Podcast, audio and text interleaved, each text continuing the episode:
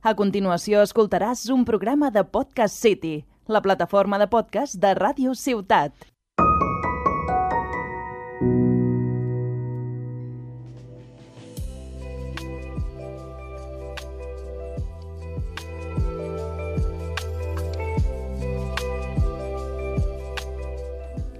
Bienvenidos al eh, decimocuarto programa de pod, de- del podcast. Ahora sí me acuerdo, ¿eh? Ahora sí me acuerdo.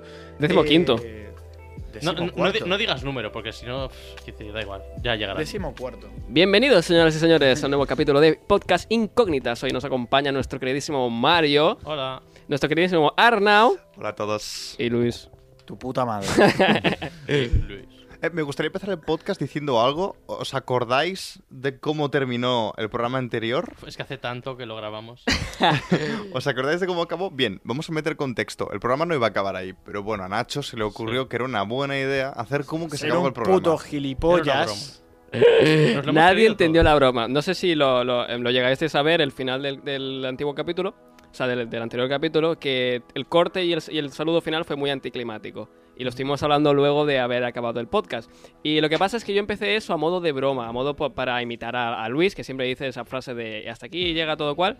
Pero claro, se me fue de la olla y terminamos el podcast así y Luis me hizo caso y pues mira, acababa así. Tú tiraste, tú tiraste y al final de la Eh, broma, por eso claro, Nacho está castigado y su micro estará apagado durante la duración. Y programa. te puedes ir ya si quieres. Eh. Vale. Que te follen, chileno hijo de pu. Eh, vale. Ya está, ya tiene el micro apagado.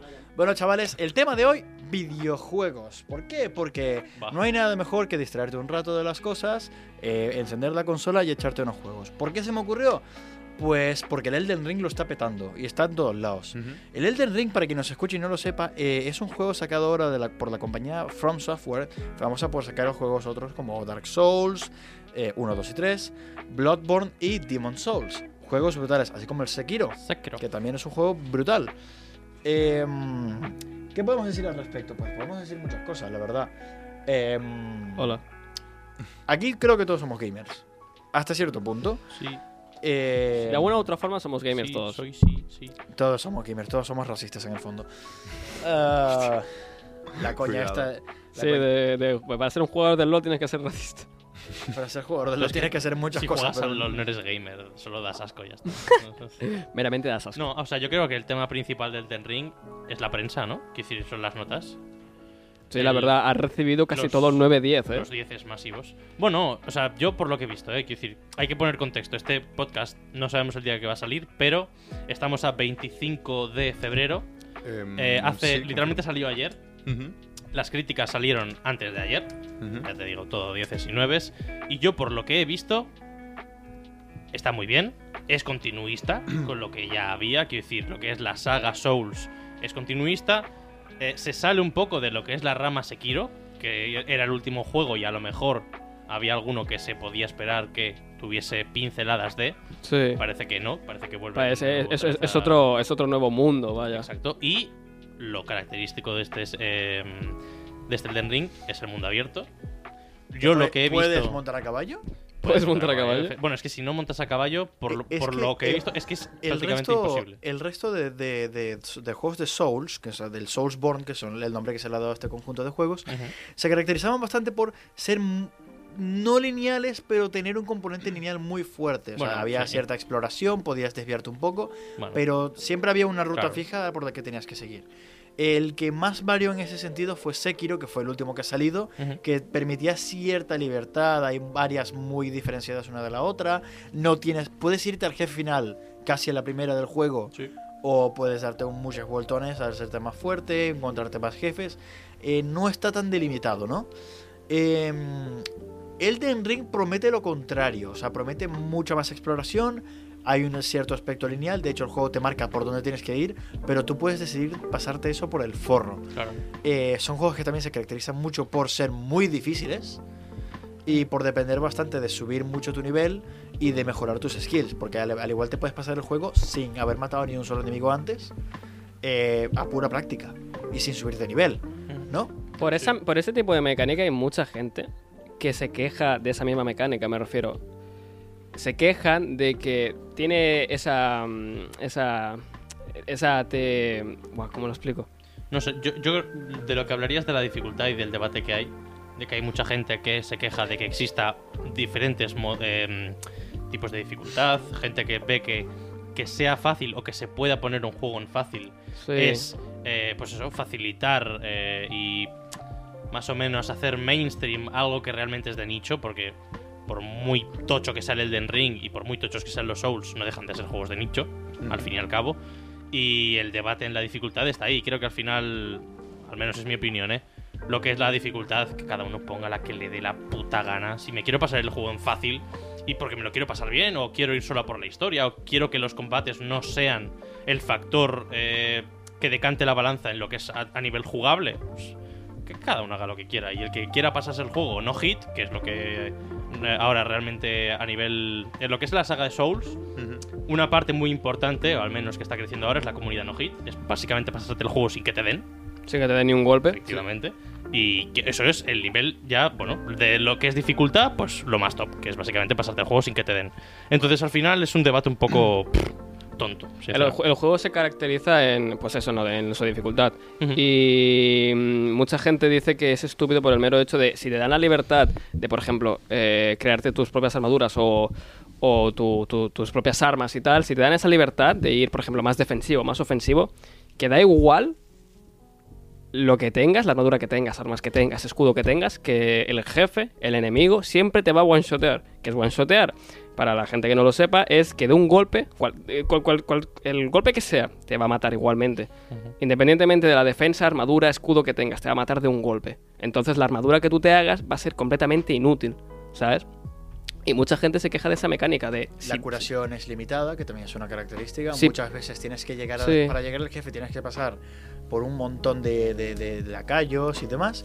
Y, y te van haciendo, claro, a menos que seas un jugador muy bueno o un cobarde que los pase todos por delante, eh, la curación te la vas gastando poco a poco. Y al momento de llegar al jefe, al igual, si tienes cinco frascos para curarte, te gastas tres. eh, el jefe, mm, para matarlo, mm, al igual necesitas, los, necesitas en verdad. Eh, es cuestión de ir mejorando. Es un son juegos que incitan bastante a, a mejorar. a- llega más a tu límite. Llega más a apréndete los patrones de los sí, jefes. mucha Pero, habilidad. eh, requieren tiempos de reacción increíbles.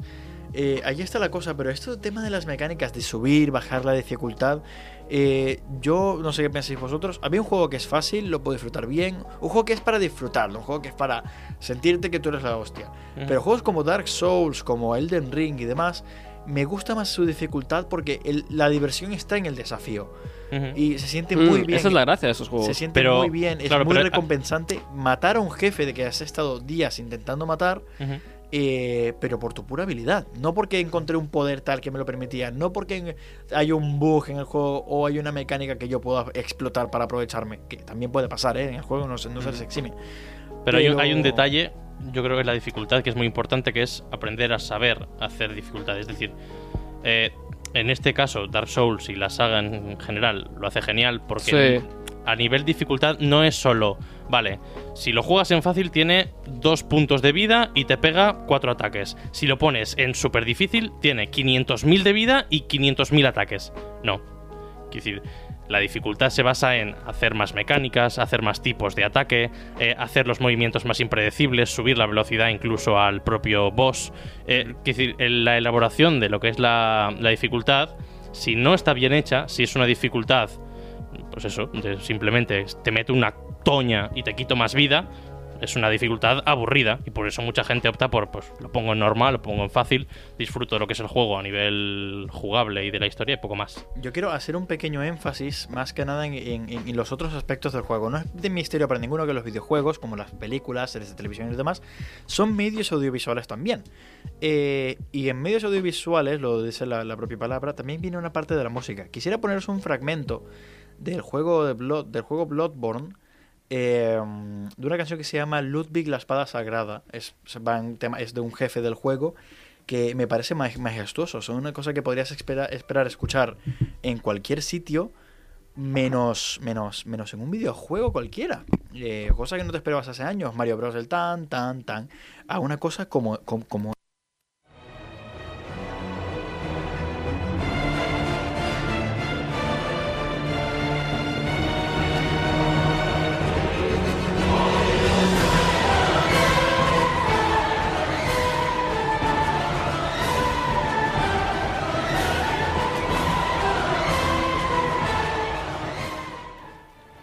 sé qué os parezca. A mí, el momento de luchar contra el jefe era brutal. Mm. Eh, si queréis algo de contexto, el jefe en Bloodborne, básicamente todos los enemigos que te encuentras son criaturas misteriosas y sanguinolientas como hombres lobo, eh, vampiros y demás. Es un juego muy gótico.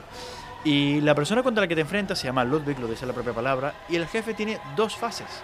Una principal donde es una bestia y una donde eh, la secundaria, que es cuando empieza a sonar esta canción, eh, donde regana su humanidad y, y te empieza a atacar con una espada que utilizaba antes de convertirse en la criatura que es en ese momento. Eh, hay una y, y de hecho el juego es poético incluso a nivel de mecánicas en el hecho de que tú tienes un arma que es como una espada eh, y las criaturas bestiales, no personas, eh, reciben daño especial si el arma hace daño eh, en plan cortante, con espadas, cuchillas y demás, ¿no? Y, no, no a melee, o sea, en plan de cortante, porque hay daño de impacto, hay daño cortante, hay daño punzante, ¿no? Eh, no es lo mismo que te apuñalen a que te corten, ¿no? Y todas estas criaturas reciben daño especial de cortante. Lo, lo- lo que me pareció un detalle muy interesante fue que cuando él pasa de ser una bestia a recobrar algo de su humanidad para blandir su espada, este tipo de daño desaparece. O sea, ya no te estás peleando contra una criatura, estás peleando contra un hombre y un guerrero. O sea, eh, esos pequeños detalles son para mí poéticos y me, me, me- me parecen increíbles en el tema del mundo de los videojuegos. Hombre, la verdad es que, mira, yo tengo poco que aportar a lo de que estamos hablando ahora de Dark Souls y demás, porque no he jugado ninguno como tal. Mm. Sé que es como un- es obligatorio probarlos alguna vez. Sí que he jugado a juegos que se le parecen. Del estilo, me jugué a uno de que sacaron de Star Wars, de temática Star Wars, pero la mecánica era parecida en el sentido de que Sí, el Jedi Fallen Order. el Jedi Fallen Order que estaba bastante, bastante bien. Me lo puse en normal porque me apetecía disfrutar del juego. No me lo puse muy difícil, aunque me lo volvería a pasar sin ninguna duda. Em, y luego mm, tuve, tengo una anécdota muy curiosa que me pasó con el Sekiro. Y es que me confundí. O sea, yo tenía, vamos a decir que tenía 40 euros ahorrados para comprarme un juego, ¿vale? Uf. Y me quería comprar el Sekiro porque me dijeron, cómprate el Sekiro tal, prueba algo Creo que ya sé por dónde los va. Souls tal. Claro, ¿qué pasó? Que entré en la Play Store y yo pensándome que era el Sekiro a nivel eh, temática japonesa, samurai y demás, me compré el Ghost of Ghost of Tsushima. Tsushima, lo sabía. Uh, lo uf. sabía. ¿Qué pasa? Bueno, Lo, he, dis- lo he disfrutado un montón. Ghost of Tsushima para mí es uno de los mejores juegos que he jugado y a nivel visual, Sí. incluso em, Sí. de banda sonora, está también bastante, bastante logrado. Em, no es el Sekiro y de hecho, o sea, es un error que, que, mm, o sea, bueno, terminé contento de, de cometer ese error, la verdad, Sí. porque igual con el Sekiro hubiese sufrido un poco más y con el Ghost of Tsushima fue un juego que, em, nada, voy por ahí, soy un samurái, tengo mis kunais, mis cosas, voy matando y nada, Ujú. pues mundo Bueno, abierto. sí, de lo que se quejaba la gente del, del Ghost of Tsushima es que al final, a nivel visual, es espectacular, Ujú. pero es todo el rato lo mismo. Que decir, al Sí. final el, combate es cuadrado, cuadrado, cuadrado, Sí. cuadrado, cuadrado y ya está. Sí. ¿no? Pero- sí, sí, sí. No, pero bueno, es- o sea, a nivel visual es eso, es un juegazo y. y tiene pinta de estar muy bien, no lo he probado. Pero bueno, el Sekiro es eso, es otro rollo. Es otro eh, rol muy distinto. Es que ya te digo que yo me confundí porque un amigo me dijo, tal, ven a mi casa y pruebas el Sekiro antes de que te lo compres. Y dije, el, el- vale. El Sekiro es de los más debatidos en este tipo de, de juegos por el hecho de que es o el más difícil o el más fácil de todos. Porque es un Bueno. juego que requiere especialmente atención y reacción. O sea, es un juego en el que de verdad te sientes con el que tienes que blandir la espada y bloquear a tiempo, atacar a tiempo. En el Dark Souls y demás y Bloodborne sí hay la mecánica de bloquear y contraatacar, que de hecho es una de las más ventajosas que es el juego porque te permite hacer muchísimo daño, pero en el Sekiro es mandatoria. En el. Sekiro siempre tienes que bloquear y saber en qué momento contraatacar, eh, aprenderte bien los patrones de ataque del enemigo. eh, con lo cual, si se te da bien eso, detectar los patrones y saber contrarrestarlos, el juego es facilísimo. Si eres una persona que está acostumbrada al Dark Souls de simplemente buscar el hueco, esquivar, intentar esperar un momento, eh, lo vas a pasar mal. Mm. Bueno, eso a nivel más técnico es básicamente Dark Souls es rodar para evitar el ataque con los Voltereta. Sí, básicamente. Son Voltereta. los frames de invulnerabilidad que ganas, es decir, durante X tiempo eres inmune a cualquier tipo de daño mientras estás rodando. Esa es básicamente la forma de esquivar. O sea, básicamente es ir de cabeza rodando al puto enemigo Ujú. que cuando te pegue la hostia, si estás rodando no te va a dar. Y el parry, que es la otra mecánica, que es el bloqueo, Sí. Es en el momento justo, si tú bloqueas el ataque, ganas efectivamente como que lo medio estuneas, lo dejas tonto Vale. ¿sí? y ahí tienes ese margen para atacar.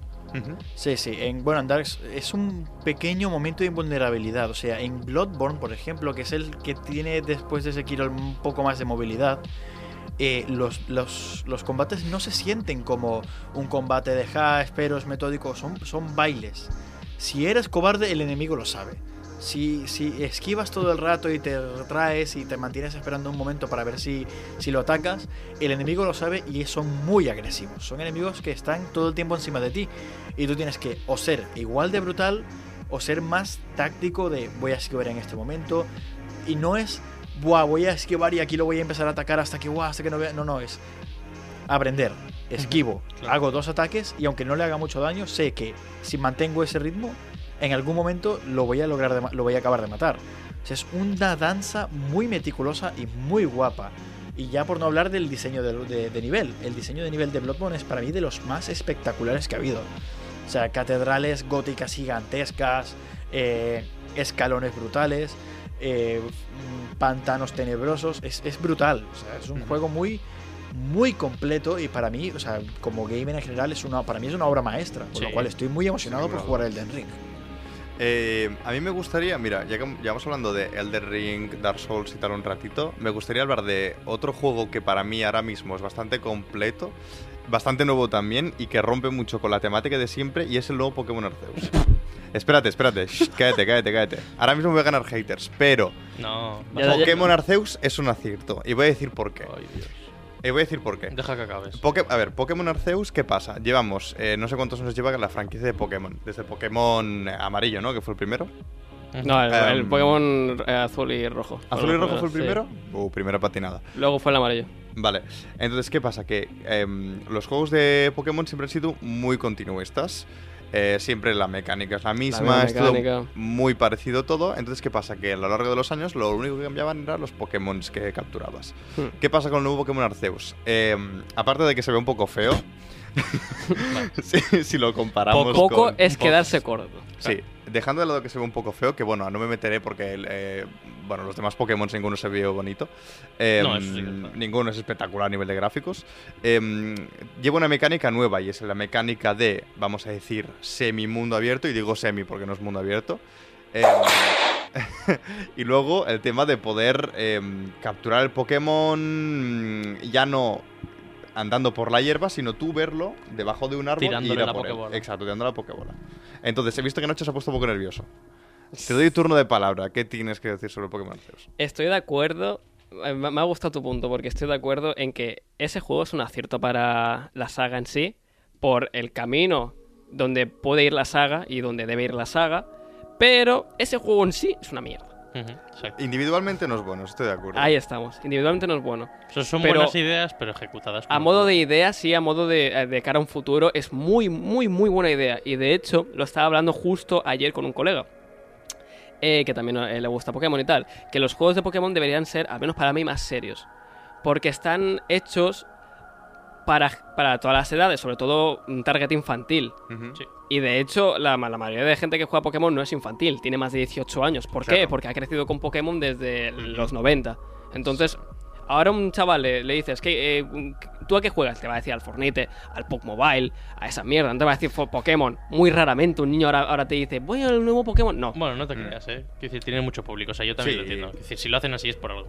Es porque tiene mucho ¿Sabes qué público. pensé yo hace un tiempo? Em, lo- los Pokémon que, que yo conocí, por lo menos el- la saga que yo más jugué, que fue la cuarta generación, tuvieron un tercer juego. En el, caso de la cuarta generación fue el Pokémon Pla- Platino. sí, o sea, estaba Platino. Pokémon Diamante y Perla, que fue el primero, y luego salió el Platino. Lo mismo pasa con la quinta, Pokémon Negro y Blanco, y luego Pokémon Negro y Blanco. Bueno, 2. no, eso, eso no es una tercera edición.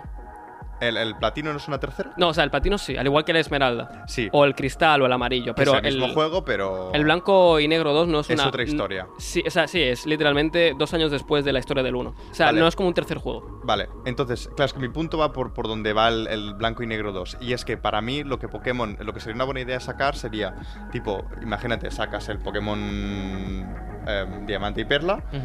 Dirigido a un público infantil, que obviamente lo van a jugar chavales de 18 años y demás, y luego sacas el Pokémon Diamante y Perla 2, en el que planteas una historia, o sea, el mapa, digamos, es el mismo, los Pokémon son los mismos, pero planteamos una historia un poquito más adulta. O sea, que los personajes no tengan 10 años. Y es lo que pasa un poquito con Pokémon Negro y Blanco, que lo hablamos antes con Nacho. Em, Pokémon Blanco y Negro sacó, o sea, hizo una historia un poquito más madura y en Sí. su momento fue muy criticada, porque veníamos de eh, me enfrento al Team Rocket y me enfrento al equipo Galaxia, que básicamente quieren capturar a los Pokémon y usarlos para fines maléficos. Ahí estamos. ¿Qué pasó en Pokémon Blanco y Negro? que el- el- los enemigos, por así, por así decirlo, ¿qué querían los enemigos? No querían esclavizar a los Pokémon, de hecho querían todo lo contrario. o sea, Querían es- liberarlos. exacto, ese Pokémon te planteaba como que tú incluso podías ser el malo, por así decirlo, porque tú querías capturar al Pokémon y querías meter, eh, tenerlo encarcelado, ¿no? Como quien, yo qué sé, o sea, o sea, tú tienes tu Pokémon, lo capturas y es tuyo. Los enemigos de ese juego planteaban el hecho de que los Pokémon fuesen libres. Entonces, para mí, eh, ese juego en su momento me costó un poco disfrutarlo porque era un poco distinto a lo que estaba acostumbrado, que venía de, claro, tenía 10 años, tenía 12 años como mucho en el, en Sí, el sí. Pokémon negro. Entonces fue como un poco shock porque Yo- venía del diamante y Sí, yo creo que es la única ruta a seguir ahora mismo. Es decir, el si Pokémon tú... Arceus. No, no, no, no. Vale. Lo que tú acabas de decir de una historia algo más Que es, madura que- o que es algo más serio la saga. Quiero decir, para mí, si yo a día de hoy, y tampoco es que los haya jugado todos los Pokémon, la verdad, no, no he sido nunca mucho de jugar videojuegos de Pokémon, pero lo que a mí no me gusta es personalmente, ¿qué te ofrece Pokémon? Vas a tener un mundo donde tienes que capturar Pokémon, Sí, colección. ir al Vale. gimnasio 1, gimnasio 2, gimnasio 3, gimnasio 4, Ujú. tal, pegarte con el alto mando, lo que sea, y al final la historia varía en, pues el, el malo esta vez tiene el pelo rojo de pinchos, eh, el malo esta vez es una tía de loca de no sé qué, y ya está. Decir, al final, eh, mm, conseguir toda la Pokédex, bien, buen objetivo. Sinceramente, si no cambia un poco lo que es a nivel historia o le dan un cambio de. Yo creo que lo que decías tú, el Mm. Pokémon Arceus es una buena idea. El hecho de capturar los Pokémon tirándole una Pokébola, bueno. pff, a ver, al final. eh, lo, lo de las. eso al final. o sea, Sí, tampoco- bueno, no está mal, sin más. Tampoco Ujú. no me parece nada revolucionario, pero bueno, yo qué sé, son ideas frescas, me parece bien. Si siguen haciendo la misma fórmula, pff, no le veo tampoco mucha salida, ¿eh? Es que el problema es que siguen haciendo la misma fórmula y les sigue funcionando. Claro, y cuando pues- la cambian, claro, por eso la hacen. Arceus, les cae una de mierda ¿Sabes por terrible. qué? Porque el 80% del público de Pokémon es conformista. Hmm. Se dieron cuenta de eso en, Mm. la, en, la, en la quinta generación. Sí. Porque se curraron. fuera, lo que estamos hablando, se curraron una historia muy buena y le dieron un, un cambio a, Sí. a Pokémon más o menos. Incluso visualmente es muy Sí, diferente. sí, sí, sí. Y la comunidad de lo que más se quejó es de el Pokémon que era un helado y el Pokémon que era una bolsa de basura.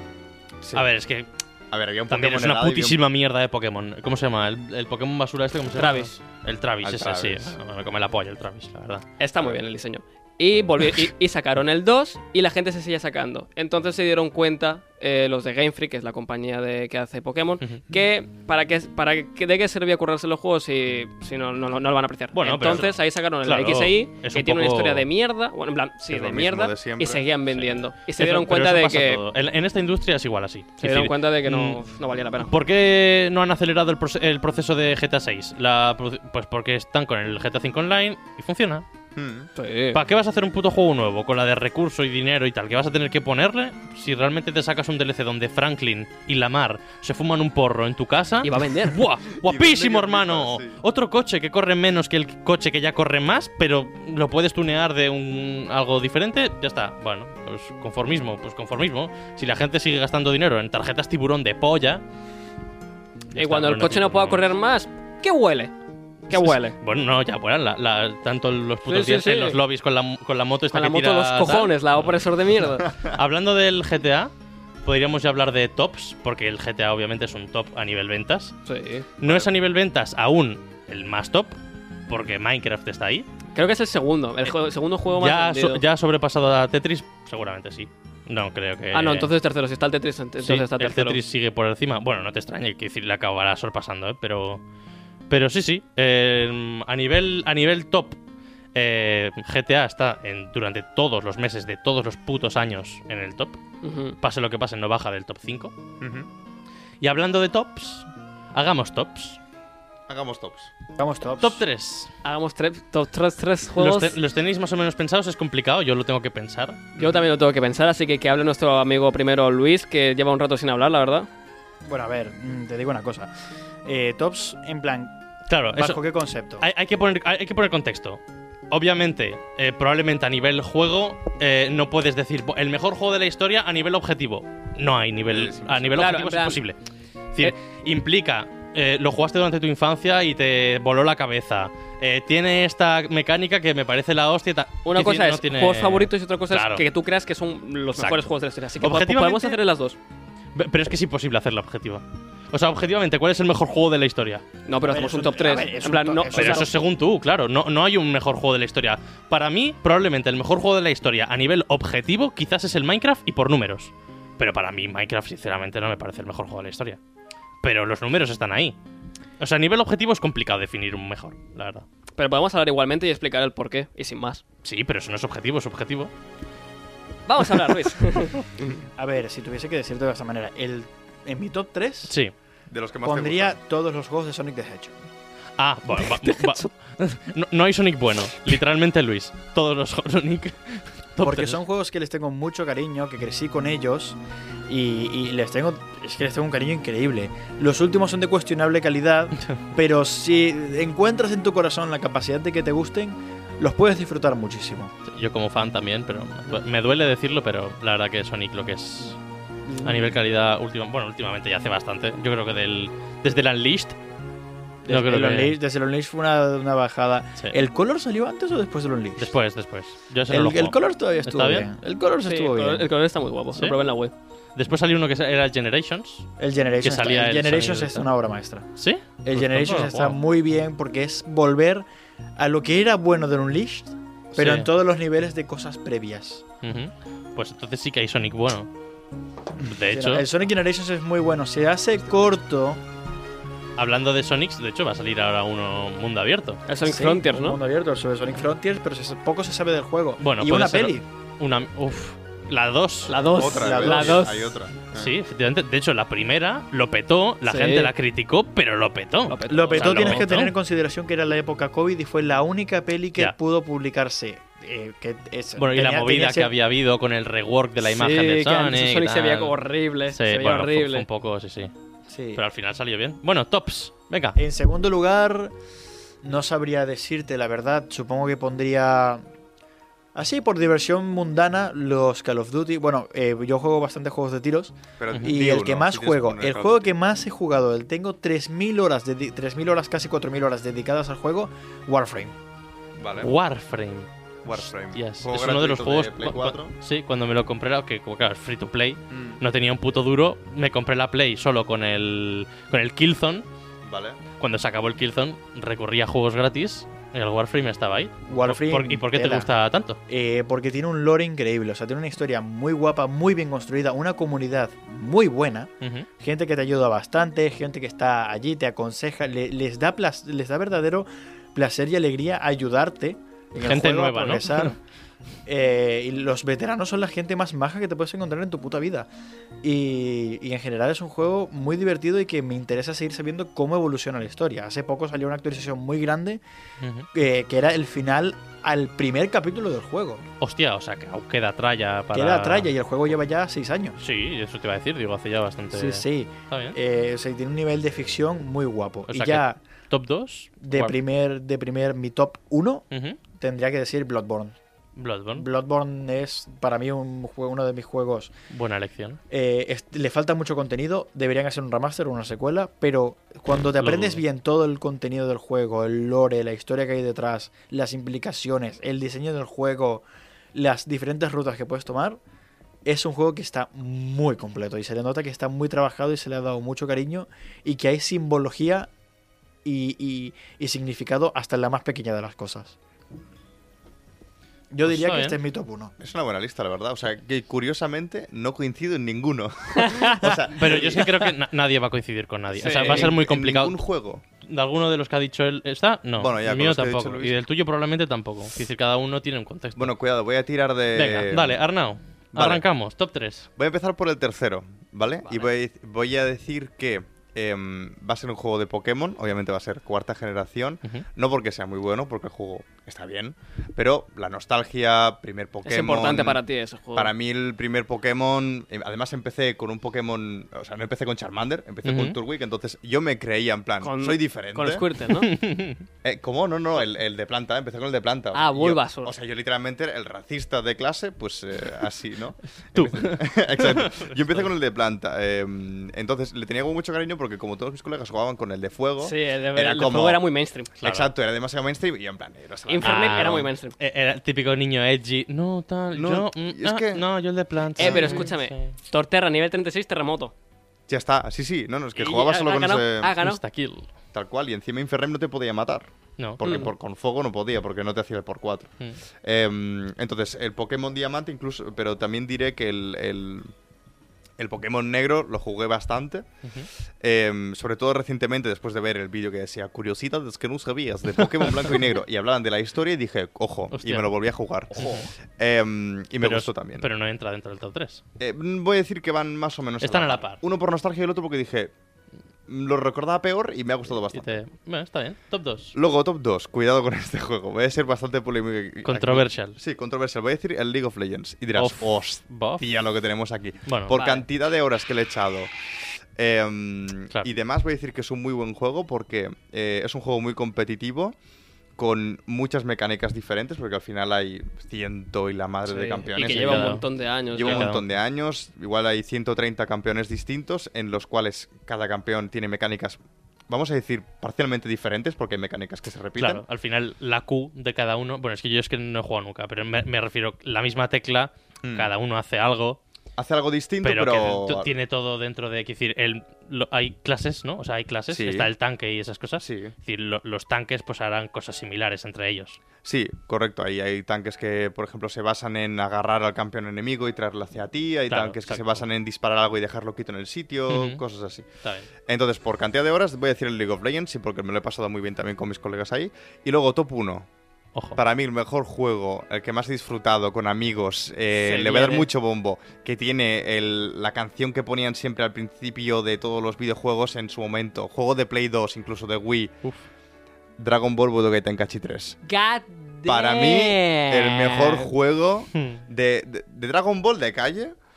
Em, de peleas de calle también, que le den por culo a Street Fighter, que le den por culo a todo. Peleas de El Dragon Ball Tenkaichi. Tenkaichi, perdón, era una Eh, cosita... era espectacular. eh, un montón de personajes. eh, yo que me había visto Dragon Ball. O sea, había personajes que no conocía. O sea, una locura. Y además ahora hay un montón de mods de peña que pone Goku. Ultra Instinct. O sea, que ahora mismo te lo bajas pirata y es Jesucristo de nuevo ese juego. Los mods dan mucha vida. A juegos Sí. así son la polla. Sí, sí, sí, sí. Nachito. Para mí es. Yo, tú, tú vas último, ¿no? La- Ah, ah, bueno, me, me, me- si, si no Mario, voy yo, más ¿eh? no, bueno, como quieras. ¿Tú tienes el top ya? Sí, yo creo Pues que venga, ya tírale, tengo va. el top ya. Vale, pues me ha costado un poco pensar esto, así que, bueno, mi top 3 de, po- de juegos favoritos. Em, por horas, y porque me gusta un montón, yo creo que sería primero Monster Hunter World. Uh, porque le he echado miles, al igual 2000 horas o así, un par de miles de horas. 2000 horas. Y he jugado muchísimo a ese juego y también he conocido a mi grupo de amigos, bueno, a uno de mis grupos de amigos, que a día de hoy nos seguimos hablando luego de tres años y quedamos y tal. Y no sé, me parece un juego muy bueno, muy entretenido, con muchas cosas por hacer, muchísimo contenido. Sí, eso sí. Y de verdad que me lo pasa muy bien ese juego, la verdad. Y, y tal. Mi segundo juego, aquí sería. Hollow Knight. Hijo de puta, me lo has quitado. Uh. Hollow Knight, la Tendría que haber ido verdad- primero. Tendría que haber ido primero.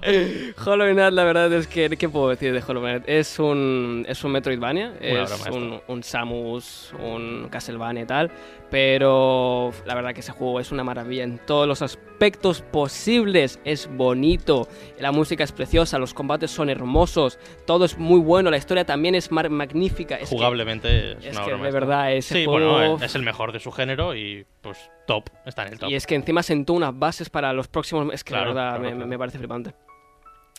Y como top 1, top 1. Al igual este juego no lo vais a conocer, pero para mí, a mí me flipó la verdad, que se llama The Last Guardian. Sí, claro. Eh, otro Claro rollo, que lo conozco. otro rollo. calla, le voy a poner en la lista. Y el lore, el lore era tan, tan pequeño, tan corto, pero era tan significativo.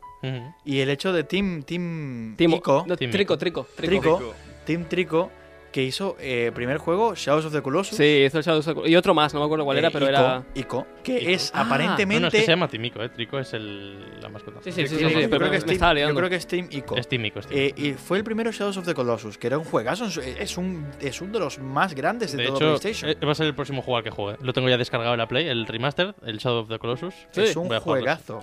Que no tiene, no tiene historia, tiene nada de diálogo, pero es brutal. O sea, el juego es muy bueno, te sientes muy bien cuando logras matar a cada jefe, Mm. no hay progresión, no te harás más fuerte. Solo hay que mejorar y, y- te sientes in- diminuto, pero superar esos titanes es Sí. brutal.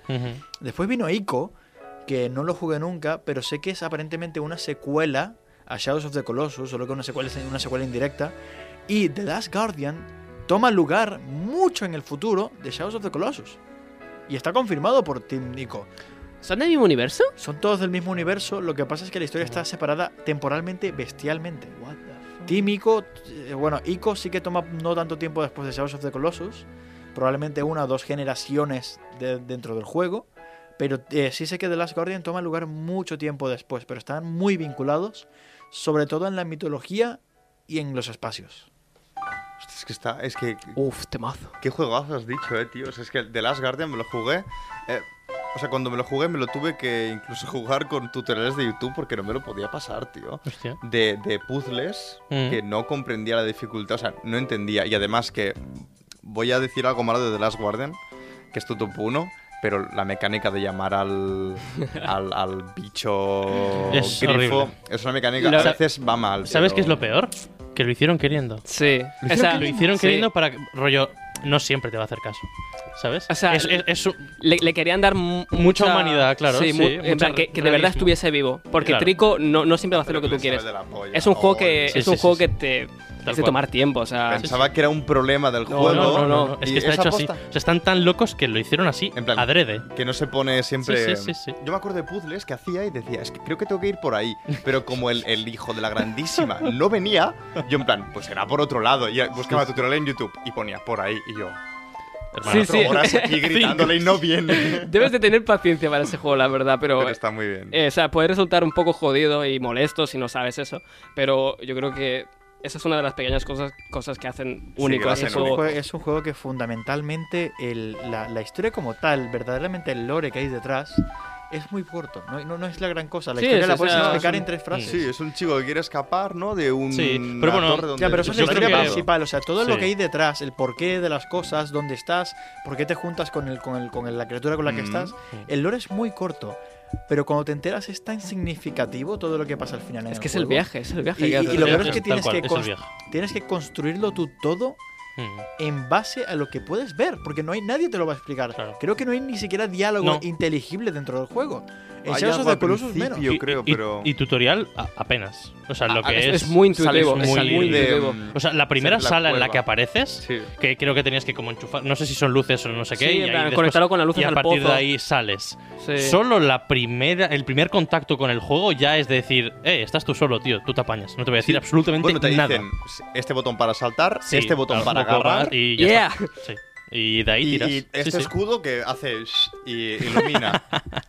y a partir de aquí. Sí, mira, de hecho es una mecánica que escogieron del Shadows of the Colossus. Ujú. Porque una de las mecánicas importantes era para saber, para saber dónde vas a ir a, a matar al siguiente titán, Ujú. tienes que poner tu espada al aire y la luz iluminará el camino que debes seguir. Así es. Vale. Y era una cosa brutal. No había un mapa. Bueno, había un mapa, pero genérico y no, no, no lo podías leer. O sea, no podías decir, Buah, por aquí voy a pasar por aquí, tengo esta ruta. No, no, no. Estaba mal dibujado y tenías que seguirlo, vamos, como podías. Ujú. Bueno, pues Mario. vamos con mi top. Adelante. Yo voy a quitar el Hollow Knight, aunque para mí lo iba a poner top 1, pero... Mención honoraria. Sí, mención me, honoraria. mención Sí. esto. No, o sea, para mí es...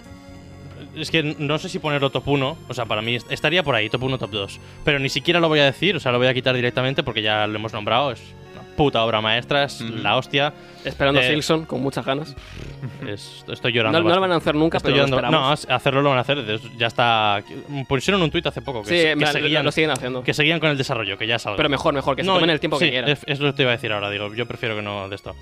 Pero bueno, sí, eh, tengo el platino. Yo personalmente, esto es algo que quería comentar en este, en este podcast, que quede const- eh, de ello. Tengo el platino de Hollow Knight. No, el de Hollow Knight y de muchísimos juegos. O sea, yo me dedico, mi vida A sacarte se platinos. basa en sacar platinos, en ser completista, en hacer los 100%. Platinólogo. Efectivamente. Platinólogo. Tengo actualmente una humilde cantidad de 85. ¡Hola! Pensaba que me diría, tengo, yo qué sé, cuatro. El, el último adquirido hace 3 horas Tres horas. de uno de los juegos que va a estar en el top 3. Vale. Y empiezo. Top 3. Eh, Nier Automata, Nier Oh. Replicant, Uh, no los. eh, La, saga entera, entera Nier. Sí. Nier, Mm. Nier Automata. Lo que me falta es el Nier Gestalt, que es el que salió para Play 2, Play 3, creo. Es el más antiguo. No sé si llegaré a jugarlo porque no tengo siquiera Play 3 y no, no hay retrocompatibilidad. Pero Emuladores. ya, eso es lo que, es lo que estaba pensando. Pero lo quiero físico por tenerlo, porque tengo las dos caratulitas de los tal y me, De colección. me- me gustaría tenerlo simplemente. Pero sí, o sea, me parecen unos juegos muy buenos. Aprovecho para decir, Yokotaro, deja de fumar porros. O es que Nier Automata, con la cantidad de finales que tiene. sí, bueno, tiene, y tiene, o sea, una, carga, tiene tiene una 20 carga filosófica. Tiene 25. brutal. Tiene De- de la letra del abecedario, todas- ¿no? Claro, todas las letras del abecedario, sí. Pero bueno, al final los finales son lo de menos porque principales, tanto en el, en el Replicant como en el Autómata, son de la a la, creo, que son los principales de la historia. Y después el resto de finales en el Autómata son mucho de... eh, en este punto concreto de la historia, matas al protagonista o a uno de los protagonistas de tal y desbloqueas un final. Es Y- un juego de. mm, eh, es, que, es que no los conozco, ¿eh? Es un juego tipo de tomar decisiones. No, ¿cuál- no, no, no, de, qué va? Básicamente eres eh, un androide Vale. con una puta espada y un Ok. pot que va volando que tira misilcillos. Ese es el puto juego y básicamente te pegas con máquinas en el autómata, Sí. contra sombras en el, en el replicant. Y con eso hay 4.000 Tiene- finales. Sí, tiene, 25. tiene una, intrahistoria, eh, una intrahistoria detrás, que es que los humanos son una raza que se está extinguiendo Vale. y se han reubicado a la luna. Y la- eh, se los humanos crean una misión que se est- está tomada por los, por los eh, androides para eh, intentar salvar el planeta Tierra de las máquinas Vale. y poder retomar la, la- el proceso de la humanidad, Pero básicamente. Vale. vienen, vienen las implicaciones filosóficas de las máquinas son tan dignas como los humanos. Efectivamente. Los Eh, sentimientos que las máquinas sientan. Jean, cuando- Jean Paul. Pero es un juego de, mecánica de, de- de batalla, ¿no? De, te plantan Sí, ahí. sí, sí, y quiero decir, es, eh, Vale. no, no sé exactamente cómo se llama el género, pero Vale. sí. Bueno, pues, vale. Top 3. Es un action RPG. El Sí, básicamente, sí. Para mí, bueno, exquisito, espectacular, indispensable. Me lo apunto. Top 2. A ver, a ver, a ver. Común. Para mí, era muy fan de la saga y quizás es algo de unpopular opinion, pero para mí eh, el 2 me gustó mucho. The Last Uy. of Us 2. Bueno, The Last of Us 2, eh, el 1 es una obra espectacular, pero el 2 a mí personalmente me gusta más. Eh, no solo por las decisiones que se toman en cuanto al diseño de un videojuego, quiero decir, en el momento en el que tú ves que minuto 25 el protagonista, que es Joel, muere, Sí. y que a partir de ahí se está creando un nuevo juego, Sp- spoiler, ¿no? ¿cómo es? A ver, Bueno, spoiler, a ver, lleva literalmente siete sale, años. que- creo que sale casi hasta en el tráiler, Sí. la muerte de Joel. Bueno. ¿Lo has jugado? ¿No lo has jugado? A ver, cuando tú me Eh, decías que la protagonista no iba, o sea, que el protagonista no iba a ser Joel, sino la Sí. chica que te acompañaba en el primer juego, Se veía claro, era sonaba- O sea, la Sí. gente sabía que narrativamente iban a matar a Joel. Pero yo, mira, la, la gente, la gente se quejó mucho porque tenía un, un vínculo emocional muy grande con Joel. Y lo entiendo porque yo también lo tenía. Pero desde el, mo- desde el pr- preciso momento en el que planteas una historia sin tu protagonista, ya, estás arriesgando. pasa, sí. Efectivamente, ya está. Y después, jugablemente es la hostia. A nivel de accesibilidad y Sí. demás de recursos es la hostia. Sí, sí, la sí. historia, para mí, es excesivamente larga. Tiene momentos mm, que se hacen muy pesados. El, el extra final de los finales de Ellie yendo otra vez a por la, a por la tía Ah, innecesario. innecesario totalmente, pero aún así, una puta obra maestra, sinceramente. Para mí tiene que estar ahí. Vale. Eh, Es un juego brutal. Yo sí, la única queja que tengo es la forma poco ceremoniosa en la que matan a Joel. bueno, sí, eh, es, anti- es, es- es cortante, ¿no? Y el poco, Anticlimático. y el sí, poco o sea, signi- y el corto. poco significado que acaba teniendo en toda la historia. Porque tú me. No están, de- no están proponiendo nada nuevo. Es. Bueno, claro. Van a matar a una persona que significa mucho para mí. Temazos. Voy a cobrar venganza. Voy a, y cuando ya voy a cobrar la venganza, ah, no, la venganza está mal. No, yo soy mejor que esto. Ok, ya lo sabemos. Ujú. Véngate, de verdad. Completa tu venganza y, y- y aprende algo de ello, hija de puta. No sé, eh, The Last of Us 2 tenía muchas buenas expectativas. Del 1 no tengo ninguna queja. No. Sí que se me hacía bastante largo, pero no tengo ninguna queja. Bueno, Pero lo que caracteriza bastante a The Last of Us 2 es la reacción verdaderamente humana de las personas que estaban dentro del juego. bueno, sí, pretendía eso. O sea, Era la, muy ra- de- la reacción sí. era verdaderamente humana. Son cosas que la gente de verdad haría.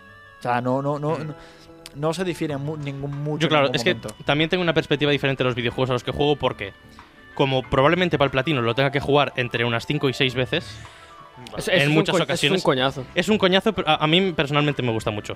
Lo que descubrí, o ya lo sabía, pero descubres jugando cinco veces un puto mismo juego, es lo bien o mal hecho que está. Hay Sí, juegos claro. que en la primera pasada te dices, hostia, vaya puta volada de cabeza, es buenísimo. Lo juegas mucho y empiezas a descubrir los típicos bugs que te pueden ocurrir, Claro. las típicas cositas del juego. Al jugar, cada vez que jugabas más al The Last of Us y que pasabas otra vez y otra vez y otra vez por cada fase, descubrías lo bien hecho que estaba el propio juego. Sí. ¿no? Que es lo que, que- que muchas veces destacaba. Antes del top 1, menciones honoríficas que no han salido. God of War, Nah, El cuadro. nah. saga completa para mí muy buena, buenos recuerdos, pero lo que sinceramente el 4 es... Menos el Ascension, El- que el Ascension nos podemos olvidar. Pues escúchame, el Ascension en la PSP no estuvo mal. En la PSP. Bueno, en Espera, la el. Ascension estuvo en la PSP. Sí, claro. O sea, l- todos los DLCs esos de... Bueno, DLCs. Juegos standalone de eh, God of War que no son parte de la saga principal. El Ghost of Sparta creo que es también uno Ghost de los Sparta de... está en PSP, lo jugué yo allí. Está también el Pues- Unchained.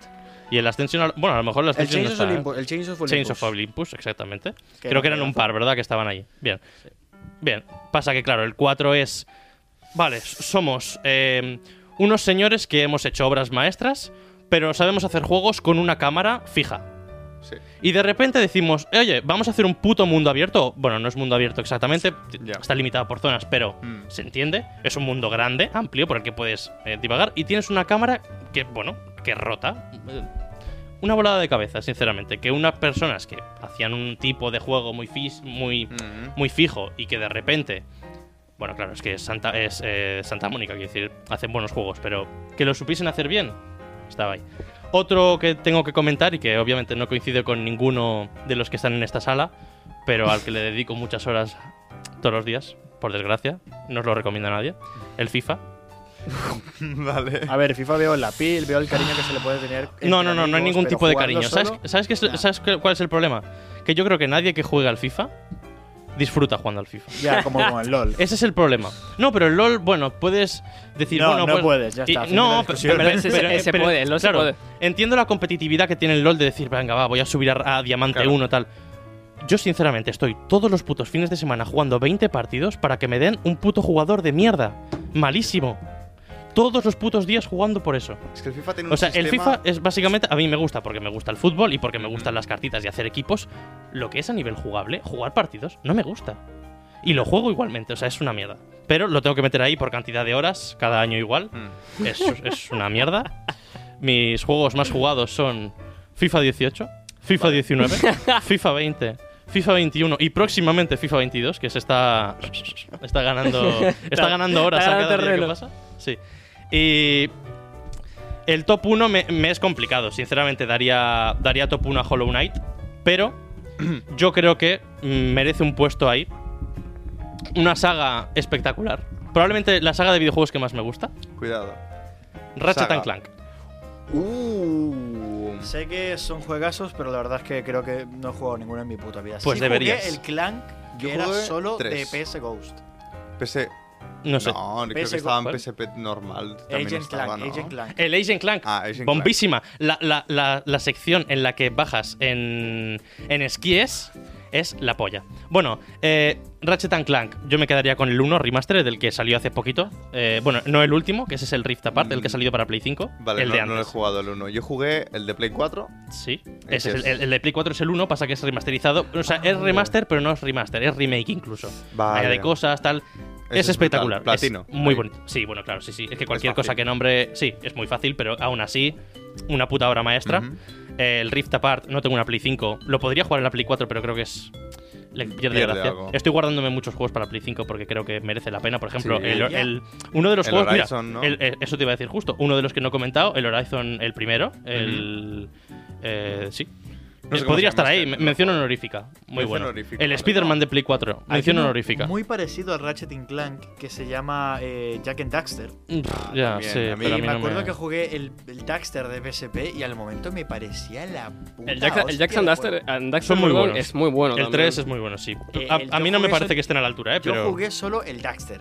que era el juego de Daxter solo. también lo jugué. El del hotel, ¿no? El de los. No, el de los bichos. el de los bichos. Sí. Pero no, no pasa en un hotel, puede ser. La primera misión. La primera, ¿verdad? Primera Yo es que he jugado eso. hotel, de ese Después te van enviando a diferentes sitios en la ciudad. Puede ser. Ya que aparentemente no lo encuentras nunca. Era un mundo abierto, ¿eh? De hecho, el, No, Daxter no, no, solo. era muy Oh, era Estabas muy- en una ciudad y entrabas en diferentes edificios, o sea que... Mención honorífica. Era Lo jugué. Era lineal el hecho de que tú Perdón, tenías sí. acceso a los diferentes. Los diferentes niveles eran básicamente eh, a través de la ciudad y tenías edificios donde tenías que ir a hacer las misiones. Sí, o sea, podías Pero era muy ahí. lineal. Tú en todo momento Mm. tenías que ir a este sitio. No, Claro. no divagabas mucho.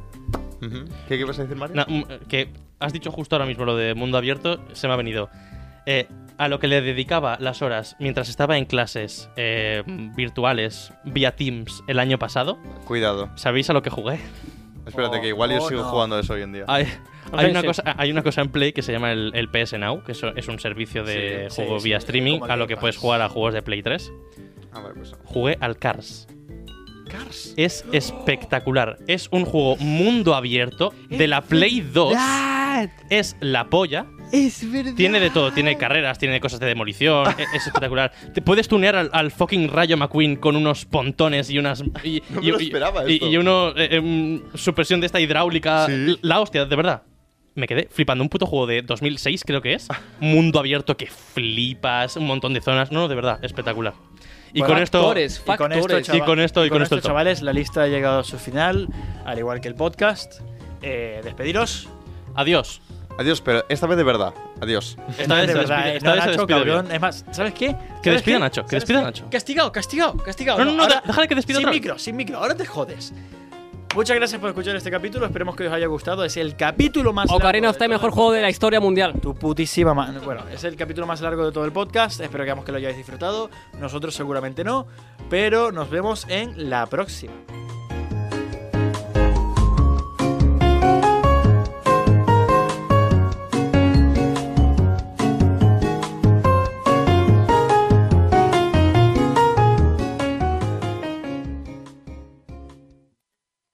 Has escoltat un programa de Podcast City, la plataforma de podcast de Ràdio Ciutat.